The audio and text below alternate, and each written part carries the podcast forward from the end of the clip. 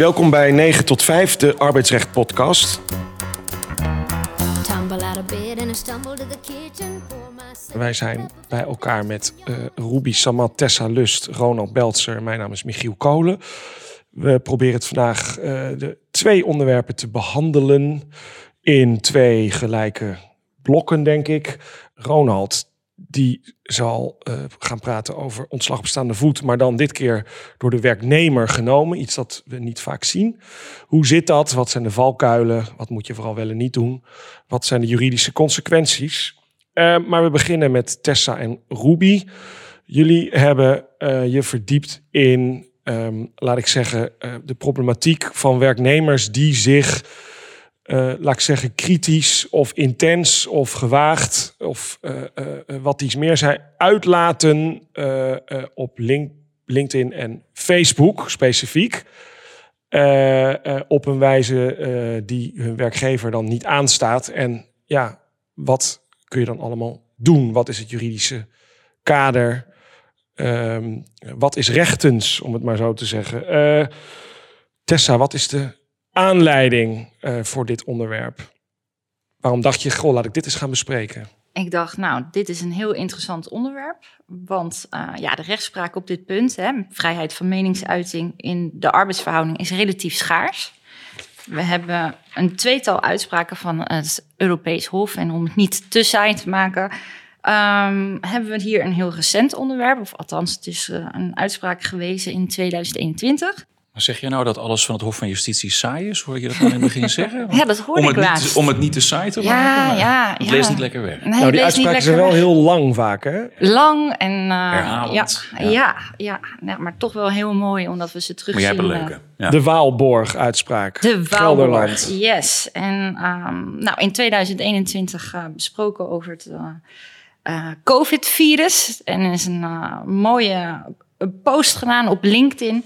waarin de, deze werknemer er nog eh, een, een standpunt heeft ingenomen... eh, ten overstaan van dit onderwerp. Een kritisch standpunt. Ja, een kritisch Nou, dat zie je standpunt. niet veel op LinkedIn hè, de laatste tijd. Nee. En zij werkte waar? Dat, werkte ze bij een speelgoedzaak? Of werkte Een zorginstelling. Ah, een zorginstelling. Ja, Kijk. en Wat, wat, wat had is- ze gepost? Ze is academisch opgeleid Ja. en ze werkte daar toch wel eh, als kennismanagement medewerker. En ze had dus twee, eh, nou, meerdere posts op LinkedIn gepost. Ja. Ehm, en het ging eigenlijk over een, hè, het deelnemen aan een maatschappelijk debat. Ja, He- zo heeft de rechter geoordeeld. ja. En nog berichten die gericht zijn tegen mensen. En nu vraag jij je vast af, wat heeft ze dan gepost? Ja. Nou, daar komt hij. Nou, in ieder geval, het ging over het uitgevoerde vaccinatiebeleid van de Waalborg, een zorginstelling zoals eerder genoemd. Ja. Waarin zij mensen als oorlogsmisdadigers noemt. En Oh. die persoonlijk aansprakelijk zijn voor hun handelen. Waarin vaccineren als genocide wordt bestempeld. En of waarbij zij vergelijkingen trekt met de Tweede Wereldoorlog. En Van even voor de, Ben Planken. voor Ja. de helderheid. eh, eh, Verwijst ze in haar post naar, naar dit soort teksten of schrijft ze die zelf op? Ze schrijft eh, deze teksten zelf op. Oké. En de rechter, eh, Oh, maar wacht even, over collega's. Over, eh, als er onder dan- andere haar collega's Ah, inderdaad. Zij noemt niet de namen van haar collega's. Nee. Maar ja, iedereen voelt zich wel aangesproken uiteraard. Want ze refereert aan mensen die vaccineren eh, als oorlogsmisdadigers en wat je daar net nog meer over zei. Exact. Dat zijn in feite haar collega's. Ja, dat zijn in feite haar collega's, Oké. dat klopt. En dat, daar was die Waalborg, neem ik aan, niet zo heel erg blij mee. Nee, die was niet happy. En wat Dat gingen die doen? Want wat, wat, wat, wat procedure was het? ontbindingsprocedure, nou, er is ook nog een kort gedingprocedure geweest. Daar kan Ruby nog iets meer over vertellen. Eh, ja, de dame is, de werknemer is op non-actief gesteld eh, en kwam daar tegenop in kort geding. eh, maar, ehm, en dat is, dat is toegewezen, want daar was geen. eh, dat, dat, eh, De wetswerkstellingsvordering is toegewezen. dat klopt. Maar wat nog wel van belang is om te noemen, denk ik, voor in deze uitspraak, is dat eh, zij eh cum laude is afgestudeerd in biomedische wetenschappen. En dat ze vanuit die achtergrond ook wel het een en ander wist over het onderwerp. Althans, pretendeert te weten. En dat dat natuurlijk ook eh, ja, be- bedreigend of een bepaalde lading meegeeft in haar berichten Ja, die ze Dus haar academische achtergrond bracht mee dat ze makkelijker de vergelijking met de Tweede Wereldoorlog kon maken. Nee, nee, nee, nee. Maar het was niet, eh, het was niet de receptioniste Nee, nee. die eh, dit soort berichten post, maar iemand die daar, hè, waarvan je kan, kunt veronderstellen dat ze er misschien ook wel iets van af weet. Ja. En dan Maar heeft het misschien Even voor mijn begrip, ook voor de luisteraar. eh, zij had dus deze post gedaan. Toen heeft haar werkgever haar op non-actief gezet. Daar heeft ze een kort geding tegen gestart. En de werkgever heeft daarnaast ontbinding gevraagd. En, maar die, die wedertewerkstelling is toegewezen. Dat klopt. Oké, dat is op zich opmerkelijk. Want is die ontbinding dan afgewezen of is die ook toegewezen? Die is toegewezen, daar eh, wil ik inderdaad Ja. eh, nog even iets over vertellen. Ehm, het- in het herbij-arrest van het EARM eh, zijn vier gezichtspunten ge- gewezen. De, hè, en dan even kort samengevat, ik zal, want dat wordt hier ook toegepast. De aard van de meningsuiting, de motieven van de werknemer om dit te plaatsen, de schade die de werknemer heeft geleden en de zwaarte van de opgelegde functie. En eh, we hebben dus nu twee uitspraken waarin eh, het herbij-arrest wordt eh, langs de lat van herbij-arrest wordt gelegd. Ja. En we zien nu ook dat ook bij de Waalborg dat keurig eh, is toegepast. Die kantoorrechter loopt die criteria expliciet Ja, langs. expliciet. Oké. En geeft daarbij ook aan, ja, eigenlijk hè, met, dat, eh, met de post. de ene post heeft betrekking op het deelnemen van het maatschappelijk debat. Ja. En daarvan zegt de rechter, ja, in zijn algemeenheid eh, wordt er gewaarschuwd voor het vaccineren voor het COVID-19-virus. Met het doel om discussie te voeren over het vaccinatiebeleid en de wetenschappelijke onderbouwing daarvan. Ehm, daarvan zegt de rechter, nou, dat mag nog. Hè? En dat is ook political speech, eh, maar ook deelnemen aan het maatschappelijk debat wordt beschermd door artikel 10 EVRM. Ik denk dat veel werkgevers dat ook wel interessant we- vinden om dat te weten. Hoewel eh, nu met Omicron misschien het ergste eraf is. Maar dat weet ik niet. Dus dat, dat ja, ze dat moeten toelaten altijd. Ja, oh, zolang het inderdaad eh, echt eh, deelnemen aan het maatschappelijk debat is, dan moet, dan moet dat gerespecteerd worden door de werkgever. Maar het andere bericht is natuurlijk een, eh, een, een, een, van een ander niveau, zullen we maar zeggen. Ehm, dus als eerste is dat getoetst. Vervolgens eh, heeft de rechter gekeken naar de motieven van de werknemer. Nou, ook weer bij de eerste natuurlijk. Nou, deelnemen aan het maatschappelijk debat. Maar het tweede ehm, is, is eh, emotioneel eh, veroordelend en beledigend eh, aan te merken. En de schade die daardoor wordt geleden door de werkgever, natuurlijk met de, eh, de post over deelnemen aan het maatschappelijk debat, is er geen schade geleden. Maar uiteraard bij uitlating 2 wel. Ehm, want deze werknemster had 1800 volgers op LinkedIn en stond dus vermeld dat zij werkzaam was bij de Waalborg. Dus de berichten hebben door het aantal volgers een groot bereik binnen dit zakelijk netwerk.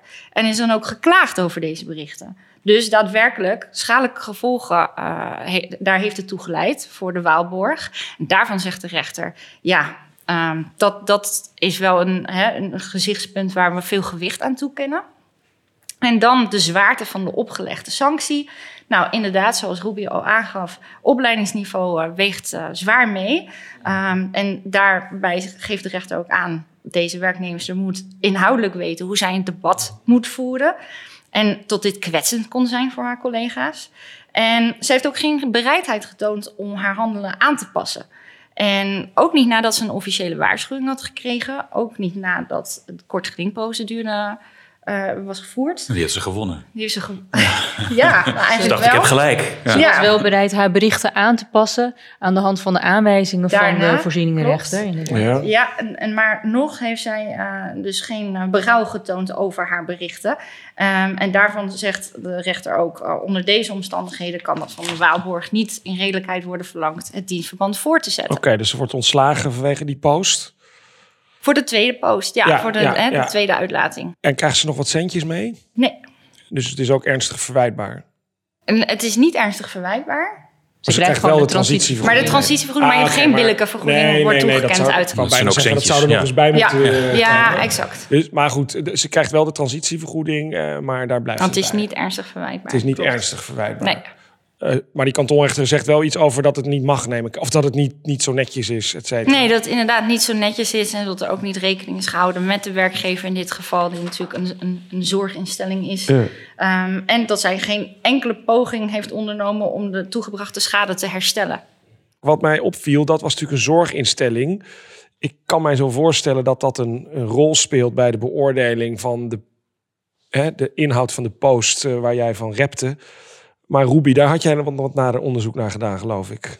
Ja, ik heb eh, hier twee uitspraken voor me liggen van twee hoven. Eén ook weer van vorig jaar, in, eh, in april 2021, is een zaak bij het Hof Amsterdam eh, behandeld. eh, waar Greenpeace ontbinding verzoekt van de arbeidsovereenkomst van een werknemer eh, op de E-grond. Dat is het eh, verwijtbaar handelen. Verwijtbaar handelen. Wat had hij, wat had hij gedaan? Nou, dit is een eh, werknemer die verder niet eh, verantwoordelijk was voor social media of iets dergelijks, maar als, wat is het, project finance officer eh, werkzaam was. Maar die wel op zijn eigen persoonlijke afgeschermde Facebook-account met weliswaar 200 vrienden, Ja. die je waarschijnlijk niet allemaal op je verjaardag uitnodigt, maar wel 200 vrienden daar heeft, ehm, postte hij berichten waarin hij zich heel kritisch uitlaat over eh, de Hongkong-demonstranten. ja. Nou ja, ik zeg kritisch uitlaten, maar wat hij eigenlijk deed is dat hij berichten plaatste waarin hij ze verwenste dat ze in de hel zouden belanden, dat ze in elkaar getimmerd moesten worden en dat soort dingen. Oké. Ehm, en hij lijkte ook allerlei berichten van dat soort, eh nou ja. Maar de Chinese dat, eh, regering of die opstandelingen? de, de Hongkong-demonstranten. Oh. En Ja, ja. Het, wat ehm, relevant is, eh, tenminste wat ik mooi vind om te zien in deze uitspraak van het Hof, is dat je dat herbij-arrest van het EARM, Wat we net ehm, al ja. dat Tessa het aanhaalde, dat Want dat, even, hij had dat dus gepost. Hij was kennelijk kritisch over de situatie in Hongkong. Hij was pro-China, eh, neem ik dan Ja. maar even aan. En Ja. dat had hij gepost op Facebook met 200 vrienden. In een besloten een eh, afgeschermd. Facebook-account. Ja, maar Greenpeace is daarachter gekomen. Ja, en is erachter gekomen omdat onder die 200 vrienden eh, ook collega's van hem eh, Ah, zaten. Ja. Ehm, en dat is nou net, ja, je, ik maak nu even een sprongetje, maar dat is nu net het, het, het vervelend, nou ja, vervelend, wat is het juiste woord? Dat is nou net het ding met eh, iets wat je pu- publiceert op social media of op andere internetfora. Dat, daar kan je gewoon een screenshot van maken. Dus het is, er is niks besloten aan wat je ook post op social media. Nee, het kan makkelijk uit die groep. Ja, Ja, dus het argument van het is gewoon een gezellige digitale huiskamer, dat, dat gaat niet op. nee, dat is eh, zeker niet. Nee, want het kan toch schadelijk zijn voor de werkgever. Ja, Dat is een van de Omdat het naar buiten gebracht kan worden. Juist. Ja. Goed, dit was een finance manager en die, die schrijft iets over Hongkong-demonstranten. Dat kan toch, wat heeft die werkgever daarmee te maken? Ja, nou ja, wat je dan dus ziet is dat in dit specifieke geval het gaat om Greenpeace. Ja. En eh, nou, dan, als je dan weer kijkt naar die herbij, eh, die gezichtspunten uit het eh, herbij-arrest, ehm, dan zie je ook hoe andere werkgevers dit moeten beoordelen. Eh, je kijkt eerst naar de aard van de meningsuiting. Ehm, en dan, dit ging niet over deelnemen aan een maatschappelijk debat of eh, met elkaar eh, ja, daar dus op een andere manier over van gedachten wisselen. Ehm, dit is eh, ook als je kijkt naar de wijze waarop hij zijn mening heeft geuit, ehm, zie je dat het, ja, het kwalificeert als ehm, eh, ja, emotionele, gewelddadige en agressieve uitlatingen. Ehm, dus er is niks opinierend of informatief aan. Mhm. Eh, nou, dus dat is, dat is het eerste gezichtspunt dat daarmee eh, wordt behandeld. Maar toch even, bij Greenpeace houden ze toch wel van een beetje stevig actie voeren? Ja, dat zeker wel. Alleen Greenpeace, de naam zegt het al. Greenpeace staat natuurlijk voor enerzijds groen, aan de andere kant vrede op aarde. Dus daarmee verhoudt het zich niet als een werknemer zich heel agressief uitlaat en zegt dat je maar gewoon in de hel moet belanden. Ehm, eh, En afhankelijk van donaties ook. Ja, ja, jij gaat weer naar de financiële schade. Maar dat is dus, Tessa, punt drie. Eh, dus eh, het eerste gezichtspunt van het herbij-arrest is dus dat je kijkt naar de aard van de meningsuiting. Eh, Het tweede punt is dat je kijkt naar de motieven van de werknemer. Ja. En in dit geval eh, gaat het om uitsluitend persoonlijke en emotionele motieven die mogelijk ook ingegeven zijn door het feit dat deze werknemer van Chinese afkomst is. Dan heb je gewoon een lager beschermingsniveau dan wanneer het gaat om, eh, zoals Tessa net aanhaalde, het gaat om deelnemen aan maatscha- maatschappelijk debat. Dan heb je wel bescherming. Maar je struikelt al over de eerste twee criteria in feite. Klopt. Ja. Ja. en dan ben je dus ook nou, bij het derde gezichtspunt, eh, de schade eh, die de werkgever leidt. Greenpeace is volledig afhankelijk van donateursgelden eh, en ook van haar maatschappelijke geloofwaardigheid. Nou, hoe verhoudt dat zich tot zo'n werknemer die berichten post die zich wereldwijd kunnen verspreiden? De media kan het op. eh, nee, het is zelfs eh, op, eh, in het nieuws gekomen. Mhm. Daarmee Greenpeace dus ook. Maar wat ik nog wel opvallend vind, als het dus slecht voor de centjes is, hè, van nou, Ja. wat jij roept kan ons financieel schaden, dat is dus een, een, een rechtens te respecteren eh, motief eigenlijk. Ja, maar dan dus terugkomend op jouw vraag, waar je mee begon, van speelt de aard van de onderneming een rol? Kijk, in dit geval, Greenpeace ehm, eh, is afhankelijk van die donateursgelden. Mhm. Als de donateurs zich terugtrekken, nou je ziet het nu ook bij The Voice nu, dat er zo'n schandaal zich eh, Ah, openbaart. Dan gevallen, treedt, eh, ja. Alle sponsors haken af. Alle sponsors Ja, tre- ja. treden terug. Dus ja, dat kan dus ook bij een Greenpeace ontstaan. En dan heb je het vierde punt. eh, als het gaat om de zwaarte van de opgelegde sanctie, dat volgt dus weer uit her herbij-arrest. Eh, ja, dan kan je best volstaan op zich met het geven van een waarschuwing. Alleen in dit specifieke geval moet je, of, nou ja, je moet dus altijd kijken hoe eh werknemer reageert als je met hem in gesprek gaat. Mhm. Ehm, en in dit specifieke geval heeft die werknemer gewoon gezegd: ja, die code of conduct, dus het beleid dat jullie voeren ten aanzien van social media berichten, eh, nou, dat, dat is helemaal niet op mij van toepassing. En als het al op mij van toepassing was, dan heb ik het niet geschonden. Dus hij gaf er ook nog eens blijk van eh, dat hij er niks van had begrepen. En eh, dat hij er nog steeds achter zijn uitlatingen stond. Dat was ook wat die uitspraak die jij besprak, Tessa. Dat, dat als je dus geen spijt toont en je volhardt eigenlijk, dan is dat, werkt dat alleen maar in je nadeel. Ja, en dat maakt dus ook dat zo'n werkgever, als in dit geval Greenpeace, eh, niet met een lichtere sanctie hoeft te volstaan. Ja. Ehm, en dat, ehm, ja, je kunt dan, je, het klopt, je hebt een recht, van, eh, recht op vrijheid van meningsuiting, maar dat kan nog steeds in strijd zijn met goed werknemerschap. Ehm, en eh, nou, die combinatie maakt, en vooral als je dus eh, vervolgens niet bereid bent om je alsnog te conformeren aan het beleid dat er een werkgever hanteert, eh, dat er voldoende grond is voor een ontbinding en in dit eh, geval op eh, de grondslag verwijtbaar handelen. Ja, dan hadden we hier ook nog een, eh, een eh, discussie net of... Je hebt natuurlijk meerdere uitingsvormen op eh, social media... waaronder eh, delen versus liken. Eh, Tessa, jij had daar nog een uitspraak over gevonden... die mogelijk interessant is.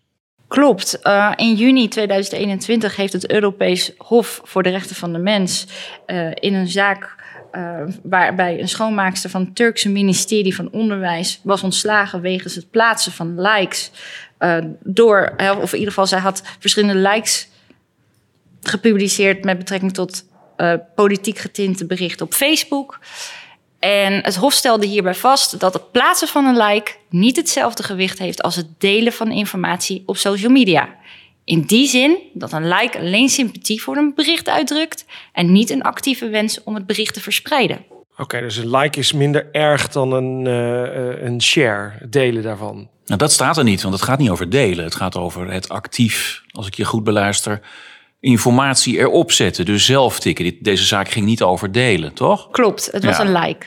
Maar het, het, like. het delen Ja, wordt wel benoemd. Ja, het delen van de informatie op social media. Ja, maar niet, het is niet hetzelfde als share this message. Dat is iets anders. Dat is iets anders, ja. We hadden natuurlijk nog het eh, eh, eh, andere onderwerp voor vandaag... en dat is het ontslag op staande voet. Nu denkt de luisteraar misschien... jeetje, daar gaat het wel heel vaak over... maar dit is een ander soort ontslag op staande voet, Ronald. Ja, heel anders. Ja, het is nu de werknemer die ontslag op De staande voet werknemer. neemt. Ja, Kan dat wel? Nou ja, eh, volgens de wet wel. Je ziet het niet vaak. Hè? We kennen, eh, we kennen een, eh, nou, elke rechtenstudent die kent. je bekijkt het maar. Ja. Hè? Westhoff Spronsen, die man die zelf ontslag op staande voet neemt. Dat Die loopt- vrachtwagenchauffeur, toch? Ja, ja, ja, precies. Die, dat, dat liep daar niet goed af, want die liet toen een paar dagen niks van zich horen. En eh, nou ja, toen had de werkgever toch mogen begrijpen dat die werknemer er echt genoeg van had. Dat is trouwens een heel grappige uitspraak, want eh, heel kort hoor. eh, er wordt daar ook gewezen door de Hoge Raad op het feit dat je rekening moet houden met iemand opleidingsniveau. Of de werkgever had mogen begrijpen dat de werknemer weg wilde. Nou, dit ging om een, om een vrachtwagenchauffeur. En ik geloof dat de annotator toen heeft gezegd. Eh, maar als hij putjeschepper was geweest, dan eh, had het misschien anders gelegen. Dus dat is een beetje. Ook op dat punt is het, is het een, een, een vreemd leerstuk, zal ik maar zeggen. Nou, hier was dat. eh, ehm, deze zaak van het Hof Arnhem-Leeuwarden. speelde er wat anders. Het ging toch om een, een hoger opgeleid iemand. Overigens van december vorig jaar, dus vrij recent. Die werkte aan de Hogeschool Utrecht. Toch al een jaartje of twintig. Hij werkte bij een instituut daar. Eh, laten we vanuit gaan dat hij hoog opgeleid is. Ja, want bij de eh, hogeschool, ja. Hogeschool, Ja. dus eh, nou... eh, Hij, eh, hij, hij functioneerde daar, eh, laten we zeggen, 17 jaar goed. Toen kwam er een nieuwe leidinggevende. En dat gebeurt natuurlijk wel vaker dan... eh, Tada. ja, dat was ook iemand die lid was, was van het college van bestuur. Ehm, ik zeg niet dat daar een eh, oorzakelijk verband is natuurlijk. Maar toen ineens was het, eh, was het, nou ja, in ieder geval in de ogen van deze werknemer allemaal niks. Ehm, hij had jarenlang een goede tot zelfs uitstekende beoordeling gekregen. Maar nu eh, kreeg hij een onvoldoende in 2019. Ehm, en hem werd ook een andere functie aangeboden. Nou, wat was er nou aan de hand? Ten eerste, het was niet in orde met zijn sensitiviteit. Dat is natuurlijk ook iets wat je alleen maar de laatste vijf jaar in de, rechtspraak kunt lezen. Daarvoor bestond dat niet. Ehm, maar ik denk hier belangrijker is nog dat er eh, mogelijke belangenverstrengelingen en integriteitsschendingen eh, waren. Althans, eh, die werden vermoed er te zijn. Nou, dan, zoals dat dan hoort, dan komt er een onderzoek van bureau Berenschot in dit geval. Werknemer wordt geschorst gedurende het vooronderzoek. En daarna komt er een formeel onderzoek. Eh, dat leidt ertoe dat eh, de hogeschool toch van deze manier af wil en een, eh, ja, een ontbindingsverzoek eh, op de E-grond Doe maar. indient. Nou, dan zijn ze blijkbaar toch nog in onderhandeling. Met productie 1, dat rapport van Berenschot. Dat zit er dik in Ja. natuurlijk. Ja, nou, de werknemer had trouwens een, een, een, ook zelf een onderzoek gestart. En dan had hij professor X, eh, ehm, zo staat het ook in de uitspraak, Ja. gevraagd om een opinie te zeggen. Echt waar? Dat, dat was een heel andere uitkomst. Dat, zou je, dat verwacht je niet Nee, hè, dan. nee. Nee. Eh, nou, hoe dan ook. Die, eh, men probeert nog tot een minderlijke regeling Ja. te komen. Dat lukt niet. En daar is die werknemer zo verbolgen over dat hij zelf ontslag op staande voet neemt. Terwijl de ontbinding Die lag er al. al is ingediend. Ja, maar ja, de werkgever vraagt wel tot twee keer toe. Joh, weet je nou zeker dat je zelf ontslag op staande voet neemt? Waarop die werknemer eh, zegt ja. Dit is wel hoogst opmerkelijk. Ja, ik weet ook Deze niet strategie. precies. Ja, nou ja, als, als je die strategie probeert te snappen, eh, eh, dan kom je niet heel ver. Eh, de werknemer zegt hier zelf over.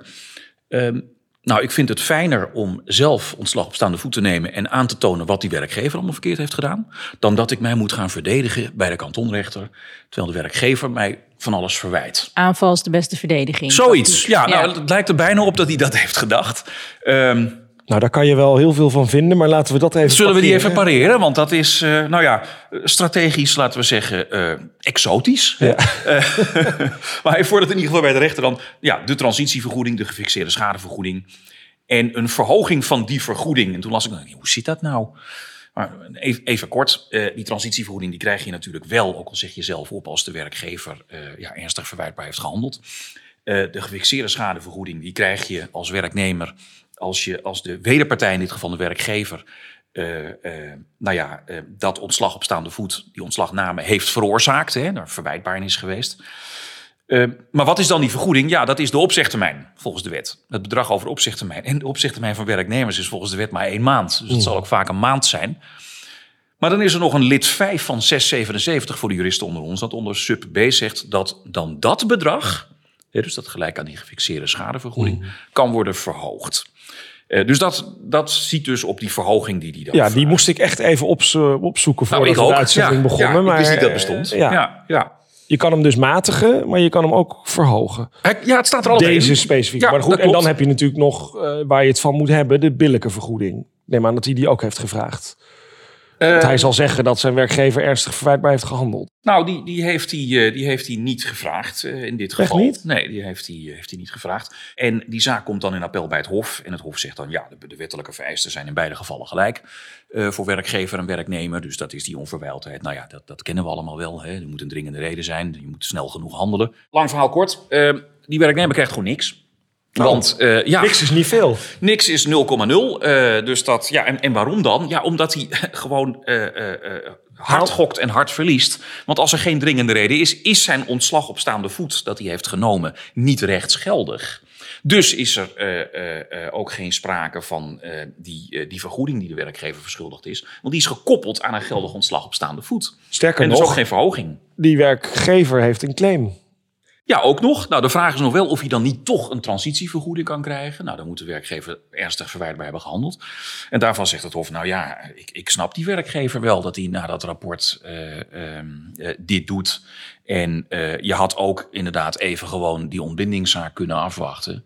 En dat heb je niet gedaan. En je hebt eigenlijk ons niet kunnen uitleggen eh, waarom je dat niet hebt kunnen afwachten. En waarom je nou per se ontslag op staande voet wilde nemen. Maar dit is eigenlijk ontzettend dom van deze werknemer, als ik zo vrij mag zijn. dat Eh, te- met hindsight bias eh, zou je zeggen dat het een hele domme zet is geweest. Ja, want hij krijgt inderdaad niks. Als je verliest, heb je niks. Zullen we daarmee En als je deze... wint, heb je vrienden. Ja. Precies. Zullen we daar deze podcast mee eh, beëindigen? Je kan hem terugluisteren via www.9 tot 5podcast.nl, via Spotify en Stitcher. Dank je wel voor het luisteren. Dank Ruby, dank Tessa en dank Ronald. Tot de volgende podcast.